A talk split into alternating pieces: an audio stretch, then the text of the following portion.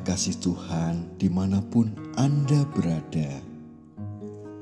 Kita berjumpa lagi dalam Kencan dengan Tuhan, edisi hari Senin, 12 Desember 2022. Dalam Kencan kita kali ini, kita akan merenungkan bacaan dari Rut, bab 2 ayat 2. Maka Rut, perempuan Moab itu, berkata kepada Naomi, "Biarkanlah aku pergi ke ladang, memungut bulir-bulir jelai di belakang orang yang murah hati kepadaku." Dan sahut Naomi kepadanya, "Pergilah, anakku." Para sahabat kencan dengan Tuhan yang terkasih Seseorang pernah berkata, "Di dunia ini tidak ada yang dapat menggantikan kegigihan dan keuletan." Begitu pentingnya kegigihan dan keuletan, sehingga bakat pun tidak dapat menggantikannya. Mengapa banyak orang gagal meskipun mereka sebenarnya berbakat. Begitu juga pendidikan tidak dapat menggantikannya, karena di mana-mana kita akan menemukan orang-orang yang berpendidikan, bahkan memiliki gelar yang lebih dari satu, namun tidaklah berhasil mencapai apa pun juga. Kegigihan dan keuletan berhubungan erat dengan rajin dan kerja keras. Orang yang ulet pastilah rajin dan suka bekerja. Para pakar mengatakan bahwa sikap mental negatif seperti kemalasan merupakan salah satu faktor yang menyebabkan kegagalan hidup. Kita tidak akan mencapai sesuatu kalau tidak bersedia mengorbankan sesuatu? Apakah kita berpikir bahwa Tuhan akan memberkati orang malas yang tidak mau bekerja? Apakah berkat Tuhan itu jatuh dengan sendirinya dari langit sehingga kita cukup berdoa tanpa bekerja?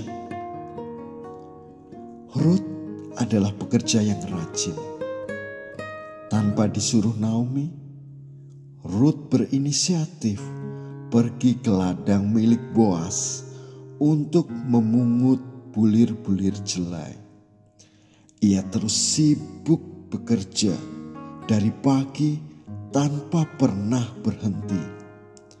Ia memungut sampai petang dan setelah diirik ada seeva jelai banyaknya atau dalam ukuran liter kurang lebih 22 liter. Ruth mengerjakan dengan baik, tekun, dan rajin apa yang dapat ia kerjakan saat itu.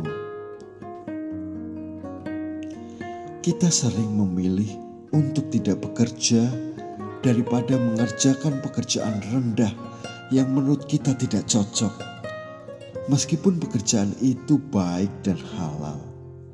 Kita mendambakan pekerjaan yang wah, tetapi tidak mau mulai mengerjakan dengan rajin pekerjaan yang kecil-kecil dulu, atau pekerjaan apa saja yang dapat kita kerjakan saat ini. Tuhan memberkati orang yang mau bekerja dan berusaha dengan rajin. Apa pun yang dapat kita kerjakan saat ini kerjakanlah itu dengan tekun dan rajin.